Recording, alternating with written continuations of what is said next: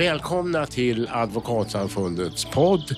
Den här gången är det lite speciellt. Det är en sommarupplaga och då bjuder vi in en enda gäst som vi kan gå lite djupare med. Och den gästen idag är Gunnel Lindberg och du ska snart få presentera dig lite. Och Mia Edvall Insulander, Advokatsamfundets generalsekreterare, är också här och jag heter Willy Silberstein. Välkomna och Gunnel, vem är du? Ja, jag är ju egentligen på pappret pensionär, men jag jobbar fortfarande en hel del. Jag har en bakgrund som åklagare, eh, men ganska snart så hamnade jag i justitiedepartementet under min karriär och jag har jobbat väldigt mycket för riksåklagaren, sysslat mycket med tillsynsfrågor genom åren, eh, bland annat jobbat hos JO också. Och nu är jag ordförande i någonting som heter Säkerhets och integritetsskyddsnämnden. Mm. Eh, och Mia, det var ju du som ville ha hit Gunnel. Vad är det som är så häftigt med Gunnel? All hennes kunskap och erfarenhet tänker jag spontant. Men eh, just det som Gunnel berättar nu att eh, du både är åklagare och nu är ordförande i Säkerhets och integritetsskyddsnämnden är ju Eh, spännande och intressant. Och eh, ur vårt perspektiv, vi som jobbar mycket med rättssäkerhetsfrågor och sådär, så ska det bli väldigt spännande att, att diskutera de frågeställningarna som berör vad ni sysslar med, framförallt på Säkerhets och integritetsskyddsnämnden. Och där tittar ju ni bland annat på eh, eh hemliga tvångsmedel. Och jag tror att går du ut på gatan och frågar nio av tio så vet man inte vad det är. Men du vet det. Vad är det? Ja, det är kanske inte så lätt att förklara, men får jag gå lite historiskt tillbaka i tiden så när rättegångsbalken kom på 1940-talet, då fanns det en enda form av hemligt tvångsmedel och det var hemlig telefonavlyssning.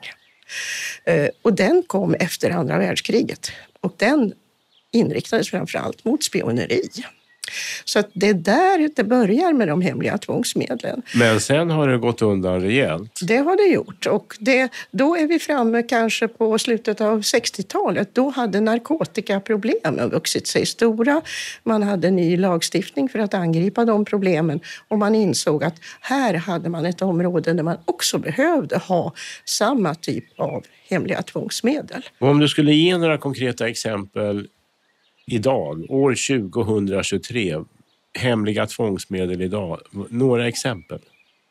Framför allt så gäller det eh, olika saker som man kan göra för att ta information från våra mobiltelefoner och datorer.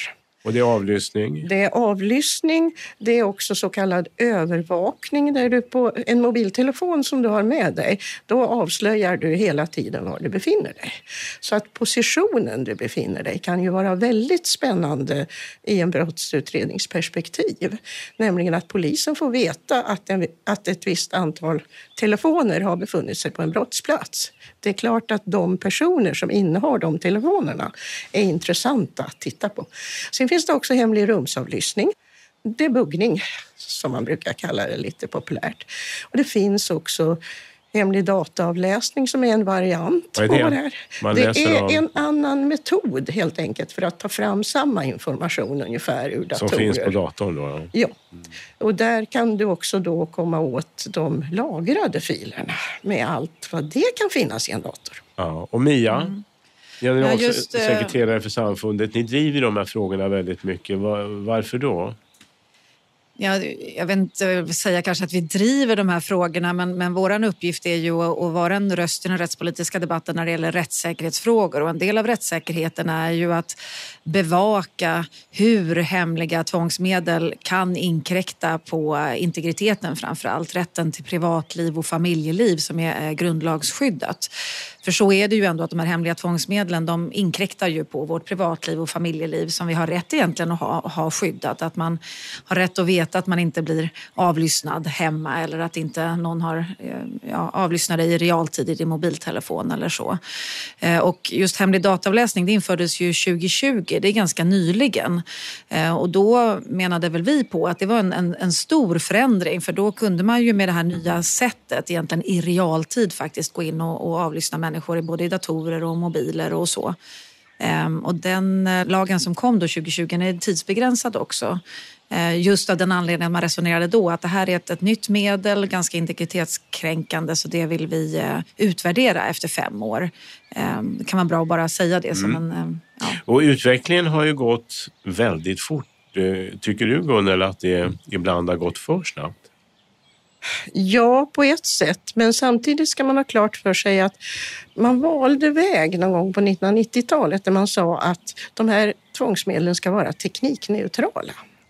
Eh, och vad innebär det? Ja, det innebär att man behöver inte skriva om lagstiftningen varje gång som man inför ny teknik från techbolagens sida. Eh, men det har då den nackdelen att när det kommer ny teknik så kan den ju dra iväg åt vilket håll som helst egentligen som varken lagstiftare eller någon annan råder över. Så det är ett tveeggat svärd att ha den sortens lagstiftning som faktiskt är beroende av hur utvecklas tekniken, inte vad tycker riksdag och regering att man just nu ska få göra med hjälp av de här men, men, tycker du då att det egentligen finns för stora möjligheter att övervaka medborgare med de möjligheter som finns idag?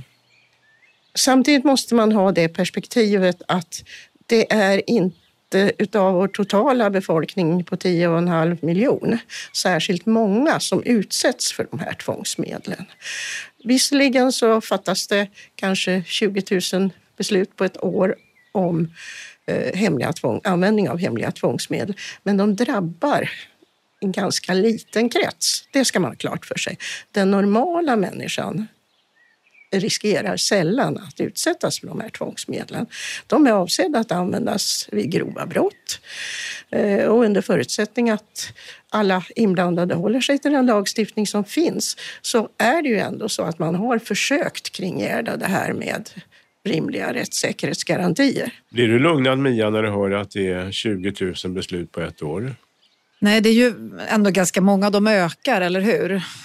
Ja, eh, de ökar från år till år. Det är framför allt de senaste fem, tio åren som de stora ökningarna har kommit. Men det beror ju samtidigt på att alla går omkring med sin mobiltelefon eller surfplatta eller dator och lagrar väldigt, väldigt mycket information där. Jag tror inte att de flesta förstår hur mycket av deras liv som faktiskt, om man skulle använda ett hemligt tvångsmedel, är åtkomligt. Och kan det inte drabba fler än 20 000, alltså andra som pratar med en av de 20 000? Jo, det är en riktig anmärkning och den kommer sällan fram. Att eh, det är oftast, eller normalt sett är det två personer i ett telefonsamtal. Och eh, den ena kan vara helt ovetande om vad den andra parten har för sig och att man kanske kan bli utsatt för en avlyssning på det sättet.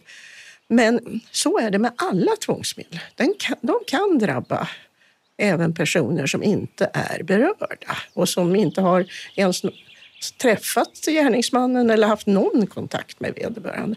Och så måste det nog vara för att man ska få systemet att fungera med brottsutredningar. Och ur ett integritetsperspektiv, Mia, att det ändå är också sådana som inte alls har är involverad bland de här 20 000 och som ändå får sin integritet påverkad. Hur reagerar du på det? Men det är ju bekymmersamt i en viss utsträckning, särskilt eftersom man kanske inte vet riktigt i vilken omfattning det är. Man undrar också lite grann över vad, vad händer med överskottsinformationen? Vad överskottsinformation är att det kommer in annat som man egentligen inte satte sig för att undersöka, men det kan ändå vara intressant för polis till exempel. Precis. Och, och det, det, vet ju inte vi som, vad, vad som händer med den och hur den behandlas, men det antar jag att ni stöter på ibland i ja, när, när du är ordförande, antar jag, med frågeställningar kring just överskottsinformation, eller? Ja, överskottsinformation det kan ju vara vad slags information som helst egentligen. Men en utgångspunkt som lagstiftarna har haft och som eh, faktiskt är väldigt viktig är att information som är helt ovidkommande, den ska förstöras så snart som möjligt. Gör den det? Både ja och nej kan man väl säga. Vad Ja, men- betyder jag menar, nej här? Låt, låt säga att eh, en mobiltelefon lånas ut till någon annan i familjen. Om hon har en oladdad telefon tar hustruns telefon istället den dagen och börjar ringa på den. Ja, skulle den då vara avlyssnad, då kommer ju ett antal ovidkommande samtal att komma in här för att nu är det någon annan person som använder telefon. Det kan vara barn, det kan vara släkting, vem som helst. Du lånar ut din telefon. Sån information, den spolas ju bort ganska omgående. Och det beror helt enkelt på att man får ändå så fruktansvärt mycket information att det är ingen idé att spara på de där eh, uppgifterna om att man ska köpa två liter mjölk på hemvägen.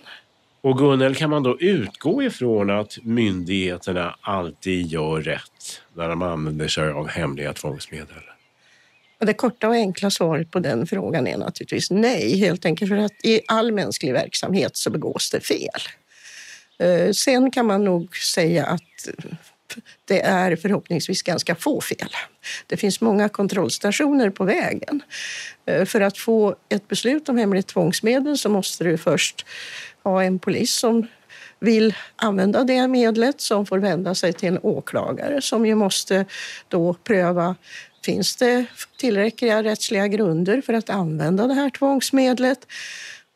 Tycker inte åklagaren det, ja då faller saken. Tycker åklagaren det och tycker att det är rimligt att gå vidare med frågan, ja då går man till domstol. Och där finns ju, förutom då domaren som ska besluta i frågan, så finns också ett offentligt ombud som är normalt en advokat eller en tidigare domare.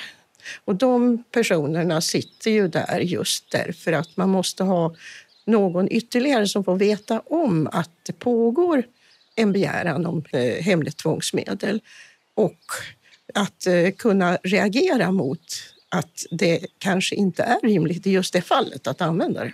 För- För bara det faktum att det säkert är rätt krångliga regler måste ju medföra risken att man har inget uppsåt att göra fel, men det blir fel ändå. Ja, och där skulle jag vilja säga att där är väl den främsta kritiken idag mot eh, eh, regering och riksdag att lagstiftningen går för fort nu. Man hinner inte ens smälta de tidigare ändringarna som har kommit. Man hinner kanske inte utbilda i den takt som behövs. Eh, lagstiftningen har blivit så komplex att även den som faktiskt borde kunna den på sina fem fingrar får varje gång slå upp lagboken och titta efter. Är det här möjligt? Går det att använda eh, Men är inte det väldigt allvarligt det du säger nu? Att det går för fort och det riskerar att bli fel. Det, det, det är en generell kritik som man hittar i det senaste lagförslaget som eh, nu ligger i riksdagen. Och, eh, där är det ju bland annat universiteten, bland annat myndigheter som Advokatsamfundet och Säkerhets och integritetsskyddsnämnden och andra som pekar på att man kanske måste bromsa ner takten lite grann. Ja. Vad säger du Mia när du hör detta? Nej, jag, så jag tänker också att det är intressant att, att höra det. Men eh, hur, hur tänker du kring, för nu har vi pratat om hur det ser ut just nu, men förslaget som ligger nu är bland annat att man ska kunna avlyssna preventivt också, alltså att man, personer som inte är misstänkta för brott. Hur, har du några tankar kring det? För då, då går det ju ytterligare ett steg än det som du nämnde tidigare, att det är ändå grova brott och det är en ganska begränsad skara människor hittills som avlyssnas. Men nu föreslår man ju alltså att från och med hösten införa även avlyssning mot dem som inte, där det inte finns en brottsmisstanke. Hur tänker du kring det? Ja, där kan jag ju säga att min myndighet har ju varit eh, bland de som har varnat för att eh, man måste kanske tänka efter och ta det lite långsammare i lagstiftningstakten här. Framför allt måste man se till att det finns rimliga rättssäkerhetsgarantier kring det här. Jag kan säga att jag sedan nästan 20 år tillbaka har tjatat om att man behöver reglera vad som är underrättelseverksamhet. För att det är där de preventiva tvångsmedlen kommer in. De ska användas i underrättelseverksamhet. Då finns det fortfarande ingen tydliga tecken på ett visst konkret brott. Det kan finnas en hel del eh, tecken på att det pågår någon form av brottslighet men man kan inte riktigt fånga in den och det finns inte tillräckligt underlag för att börja en förundersökning. Underrättelseverksamhet är ett helt oreglerat område. Och att använda tvångsmedel på ett helt oreglerat område gör ju att risken för att det blir fel eller att någon oskyldig drabbas nog ökar ganska väsentligt. Är det ett sluttande plan? Det skulle jag inte säga. Jag menar, våra lagstiftare gör ändå stora ansträngningar för att göra det här på ett bra sätt och eh, andra länder har motsvarande eh, tvångsmedel. I Europadomstolen har man ju olika typer av fall som har tittat på avlyssning i olika länder och om lagstiftningen har varit tillfredsställande. Så att eh, man tittar ju väldigt noga på sådana saker också så att man inte går utöver vad som är rimligt. För det är ju som Mia sa, det här är ett grundlagsreglerat område. Och på ett sådant område så får man bara eh, skapa sådana här regler genom lag och det kräver då riksdagsbeslut. Och dessutom ska lagen vara klar och tydlig. Men tror inte du Gunnel, i dessa tider om man nu läser av opinionen rätt och det kanske inte är så enkelt, men jag säger ändå följande att med det politiska klimat som är nu, tror du inte du att väldigt repressiva åtgärder när det gäller övervakning har ett stöd hos en stor andel av Sveriges medborgare? Jo, det tror jag. Och jag har varit med så länge att jag har sett den där pendeln svänga och svänga kraftigt åt båda hållen. Det har funnits perioder när integritet har stått så högt på eh, dagordningen att man inte ens har kunnat få igenom ganska rimliga och modesta lagförslag. Nu har pendeln slagit åt andra hållet. Just nu så är inte integritetsintressena de som står högst. Mia, vad säger du? Nej, jag undrar direkt också, varför är det så? Varför är integriteten inte längre viktig. Ja, vad är det som styr det? Ja. Jag tror att det nog faktiskt kan vara så att man har skjutit sig själv i foten genom eh, den väldigt stränga synen på integritet som man hade eh, på mellan, ja, säg 2007, 2008, 2010. Då var det inte tal om att göra någonting. Och det är lite grann resultatet av det. Vi ser nu i att man misslyckas med brottsutredningarna, vi har de här många skjutningarna och så vidare. Hade man ingripit i tid och kanske med mer modesta regler, då kanske läget, kanske säger jag, mm. hade varit annorlunda. Mm. Ingen kan garantera det, men när integriteten får för stort eh, intresse och står helt och hållet emot effektiviteten, då riskerar man en backlash. Men visst finns det ändå risker för integritetskränkningar? Alltså att vi kanske inte är på ett sluttande plan men det är en ökad risk som du sa själv att, att oskyldiga personer drabbas av övervakning. Då, då, då, måste det ändå vara så att det finns liksom risker för integritetskränkningar på ett sätt som inte är acceptabla i ett samhälle, eller? Ja, alltså vad som är acceptabelt beror ju på tiden det var inte acceptabelt med den här typen av förslag som idag går igenom riksdagen hur enkelt som helst för 15 år sedan. Det var det bara inte. Och Gunnel, innan vi började banda här så undslapp det dig att du har ju varit åklagare och då var du mycket mera för tuffa tag i yngre år i alla fall. Vad har hänt med dig? Jo, men det är väl så att man med tiden får ett annat perspektiv och får man ser mera hur samhället utvecklas och jag har sett den där pendeln svänga. Eh, det var ett klimat i slutet av 1980-talet, början av 90-talet, ett helt annat tio år senare. Eh, och det är aldrig bra när det går för långt åt ena eller andra hållet. Det är väl egentligen det som eh, oroar mig lite grann med nuvarande utveckling, att nu är vi ganska extremt åt ena hållet. Vad blir resultatet av det om sen integriteten ska väga tyngre igen? Borde vi medborgare vara på tårna lite mer? Jag tror att jag skulle vilja förespråka ordet lagom här, precis ja. som alla svenskar. Det är ändå svenskar, ja, precis. Nej, men Det är aldrig bra att komma till olika extremer. Nej.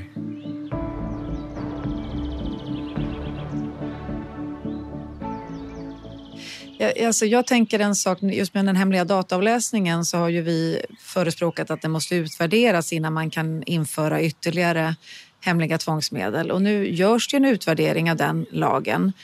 Men den utvärderingen blir inte klar förrän efter man faktiskt inför ny lagstiftning. Och I min värld så är det bekymmersamt att vi vet inte hur den hemliga dataavläsningen används innan vi beslutar om ytterligare hemliga tvångsmedel. Och vad tänker du om det? Jag tycker också det är bekymmersamt. Och det har att göra med den mycket snabba lagstiftningstakten. Även om jag kan ha förståelse för att man vill skapa flera verktyg nu för åklagare och polis så eh, borde man kanske lite grann bromsa ner här och se, har den här lagstiftningen gett de resultat vi trodde? Och också har den varit integritetskränkande? Har det blivit fel? Har, har det varit för svårt? Jag menar, det var en enda liten paragraf om hemliga tvångsmedel, 48. Det som finns idag är, motsvarar ett helt kapitel i rättegångsbalken. Det är hur många paragrafer som helst, de är hur krångliga som helst. Den enklaste exemplet är om hemlig avlyssning. Där finns det en paragraf som har en huvudregel som säger att ja, det ska vara minimum två års fängelse och det har man bara för grova brott. Men sen finns det 21 punkter till där man räknar upp andra situationer där man också får använda det. Och då hamnar vi vid en schweizerost skulle jag vilja påstå. Alltså det är mera hål än ost i regleringen på vissa plan. Det, är, det är för svårt. Ja, Mia? Kan inte du berätta lite bara så kortfattat hur er granskning går till? Alltså hur arbetar nämnden med, med eh, granskning av det här? Vi arbetar på ungefär samma sätt som JO gör, nämligen att vi tar in akter, tittar på dem, ser om det verkar vara någonting som inte stämmer och då skickar man en remiss till myndigheten som då besvarar den och eh, talar om hur man har tänkt och varför man har tänkt på ett visst sätt i en viss fråga. Och sedan så, eh, det är nämndens kansli som jobbar med det här. Och det är ju jurister då uteslutande som jobbar med det. Sen så tas frågan till nämnden och den består då av eh, tio personer, två jurister och varav jag då är en. Och sen så är det en ledamot för varje parti vi har i riksdagen. Eh, så att det är parlamentariker som har, är huvuddelen av nämnden. Och så föredras ärendet och där fattas ett beslut. Och våra beslut är normalt helt offentliga, finns på vår hemsida. Eh, och därmed så kan vi ju inte lämna ut så mycket uppgifter som är sekretessbelagda. Utan det skrivs relativt neutralt. Men slutsatserna, de kan man alltid läsa ut. Men när du sitter då som ordförande i säkerhets och integritetsskyddsnämnden som den formellt heter. Har du vid några tillfällen blivit riktigt förfärad att det här är väldigt allvarligt, det du har hittat? Det har väl funnits exempel på sånt som man tycker att det här är absolut inte bra. Kan du, jag förstår att du inte kan beskriva det allt för närgånget, men så närgånget det ändå går så vi får ett hum om hur det kan vara. Ja, det gjordes en inspektion för ett antal år sedan på en åklagarkammare och där gjorde vi då olika fynd som ledde till ett mycket kritiskt beslut mot eh, den åklagarkammaren och det ledde till att eh, riksåklagaren omedelbart tog tag i saken. Eh, man startade utbildning, man gjorde en mängd olika saker som man sen då redovisade till nämnden att nu har vi gjort det här. Eh, och det skedde väl en del personalförändringar och annat också. Eh, men vi har som nämnd bara tillsyn över de brottsbekämpande myndigheterna. Och det är ibland lite grann knepigt därför att det har ju funnits en domstol som har faktiskt godkänt tvångsmedelsanvändning. Och den personen eller den delen av handläggningen, den har vi ingen tillsyn över. Men, men den granskning som gjordes, det du säger att den var väldigt närgången och eh, tog inte hänsyn i tillräcklig utsträckning till integritetsaspekter. Nej, det hade gjorts en hel del fel. Och eh, det får egentligen inte förekomma fel på ett sånt här område som rör så viktiga frågor. Hittar ni fel varje år, eh, ett antal, eller är det så ovanligt så det... Vi, vi hittar vissa fel, men samtidigt ska man ha klart för sig att bedömningsfrågor, de kan vi inte egentligen gå in så mycket i, utan vi måste ju hitta om vi ska säga att någonting är fel så måste det direkt strida mot lagstiftningen. Och det innebär att då blir det ju ofta formalia fel som man hittar. Man har inte förstört den eh, information som man har fått i rimlig tid. Man har inte skickat de underrättelser som skulle ha skickats till den person som var berörd. Man har missat olika formalia. Får jag fråga en sak om just det där med underrättelse? För det läste jag ganska nyligen att ni gjorde en, en framställan, eh, var det i eh, 2021 tror jag, en framställan till regeringen om att just regleringen om underrättelse till de enskilda, alltså om att det har skett en avlyssning, att det borde förbättras. Eh, och, och sen har jag lite svårt att se att det nu i den nya lagstiftningsprodukten som eventuellt träder i kraft i höst verkligen är så att, att den rättssäkerhetsmekanismen så att säga, om underrättelse har förbättrats. Vet, känner du till hur har man beaktat era, era mm, åsikter där helt enkelt? Eh, ja, till stor del skulle jag säga. Mm. Eh, men den gick i ett annat lagstiftningsärende. Mm. Eh, så att man har gjort vissa förbättringar på det området. Vi pekade på några saker som var lite otydliga och andra som man borde helt enkelt utreda och eh, de har utretts och eh, vissa ändringar har gjorts, ja. Det där visar väldigt tydligt på också när det pågår liksom parallell lagstiftning i många olika utredningar samtidigt så är det svårt, tycker jag också, att ha en överblick över vad är det som sker nu egentligen parallellt och i vilket lagstiftningsärende och, och så? Ja, som nämnd har vi faktiskt en ganska ovanlig uppgift, nämligen att uppmärksamma eh, regeringen på fel i lagstiftningen eller brister i lagstiftningen. Mm. Eh, vi har där samma skrivning och samma eh, uppgift som JO och JK har på sitt område. Eh, och jag tror inte det är någon annan myndighet nästan som har den uppgiften. Men vi tar den på största allvar, det kan jag säga. Mm. Du sa i en intervju med Dagens Juridik nyligen att du förespråkar ett citat eftertänksamt synsätt när det gäller hemliga tvångsmedel. Men har vi tid med det när brottsligheten ökar så snabbt och grovt? Jag tror att man måste ta sig den tiden. Helt enkelt därför att det är så viktiga värden som står emot varandra. Å ena sidan effektiviteten och det måste man ha förståelse för att det behövs effektiva medel för att komma till rätta med svår brottslighet.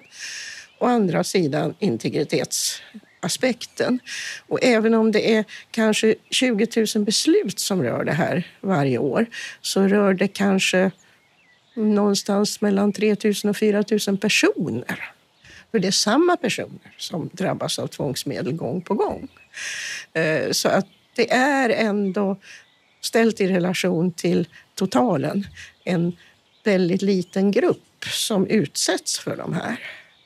Men det blir ju väldigt intressant att se om den gruppen kommer att öka nu framöver och vilka det är som kommer att drabbas. Jag tänker återigen att det blir jätteviktigt med uppföljning av de här nya lagstiftningarna som införs nu för att se vad, vad kommer att hända. Ja, och jag tror det kommer att hända en del på det här området för det, det, har ju kommit annan lagstiftning som inte bara finns i rättegångsbalken. Vi har ju två separata lagar som har hemliga tvångsmedel nu. Det är den så kallade inhämtningslagen och den som du nämnde om hemlig dataavläsning. Men vi är tillbaka i problemet att vad är underrättelseverksamhet? Mm. Som är, det finns ingen början och ingen slut. Det finns inga regler om det. Man vet inte vem styr den här underrättelseverksamheten. Så att den, tvångsmedlen finns i ett sorts juridiskt vakuum. Men det är väl polisen egentligen som sitter på den informationen och styr och så, mer än åklagare antar jag? Oh ja, det ja. är det. Och mer än domstolar också. Ja. Och för både åklagare och domstolar är det lite grann en okänd värld. Mm.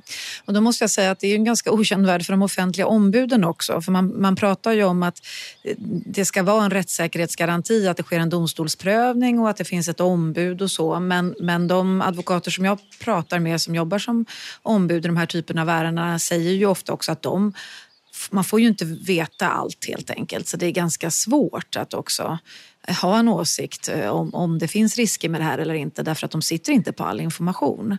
Så frågan är också hur egentligen de här domstolsprocesserna, hur, eh, hur mycket de faktiskt kan garantera rättssäkerheten om varken domstol eller ombuden egentligen sitter på all information som polisen gör till exempel. Det är ju sant, men egentligen är det samma situation som i en häktningsförhandling. Då sitter också men i det fallet både polis och åklagare på väldigt mycket information som motparten faktiskt inte får veta i det läget.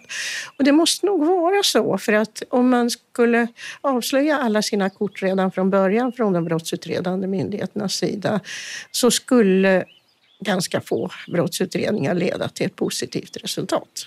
Nej, det är helt sant, det håller jag med om. Jag skulle nog ändå säga att det är mer information vid häktningsförhandlingar om du jämför med de hemliga tvångsmedlen. Alltså det, det skiljer sig nog lite grann ändå mellan de två skulle jag säga. Det, det, det kan jag hålla med om. Det, eh, informationen är eh, magrare. Men det beror nog också på att man har mindre information. För sitter du i en häktningsförhandling och det begåtts ett brott, det finns eh, en hel del konkreta saker att prata kring. Mm.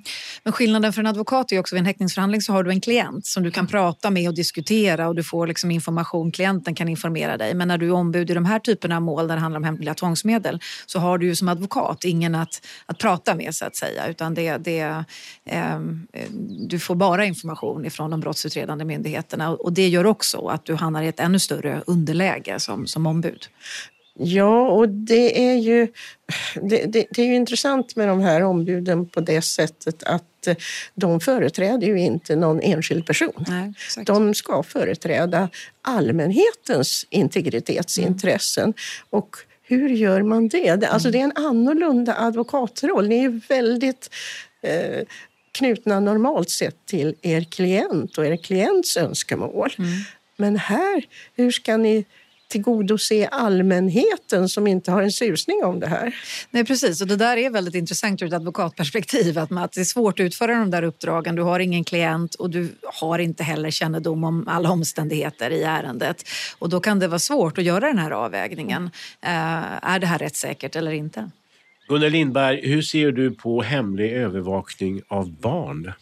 Det är ju en fråga som jag nog kanske vill passa på just nu därför att det kommer sannolikt att komma någon utredning, några utredningsdirektiv om det. Det har ju justitieministern aviserat och vi vet ännu inte hur de direktiven kommer att se ut. Det man kan säga är att så som lagstiftningen är idag så går inte barn helt fria ifrån det här. I den här hemska utvecklingen vi har nu med 14-15-åringar, 16-åringar eh, som håller på och är inblandade i skjutningar. De är ju ömsom brottsoffer och ömsom misstänkta.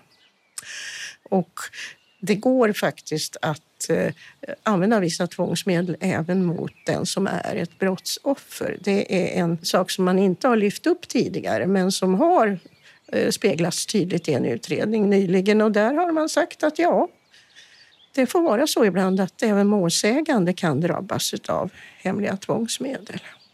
Och eh. det kan alltså vara en 14, 15, 16, 17-åring. Ja vi medborgare, hur oroliga eller lugna ska vi då vara inför den här situationen?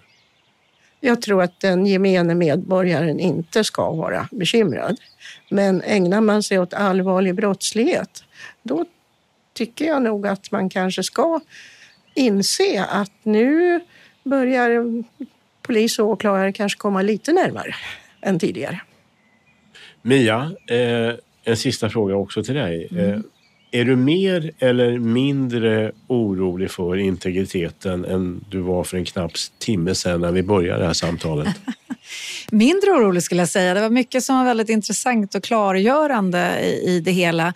Och det handlar ju om att det är så, så mycket som pågår på en och samma gång så därför så är det väldigt bra och intressant att diskutera med någon som har ah, liksom, mycket kunskap kring de olika frågorna. Så att jag känner mig lite mer lugnad nu, vilket är bra, skönt. Bra. Eh, samtidigt som jag ändå vill eh, understryka att just det här med utvärdering, uppföljning, jag tror att det är viktigare än någonsin nu när det sker så mycket parallellt. Så att vi verkligen försöker få, få klarhet i hur eh, de nya medlen kommer att tillämpas och användas. Och därmed säger jag tack till Gunnel Lindberg, tack till Mia Edvard Insulander, tack till er som har lyssnat på denna sommarpodd från Advokatsamfundet.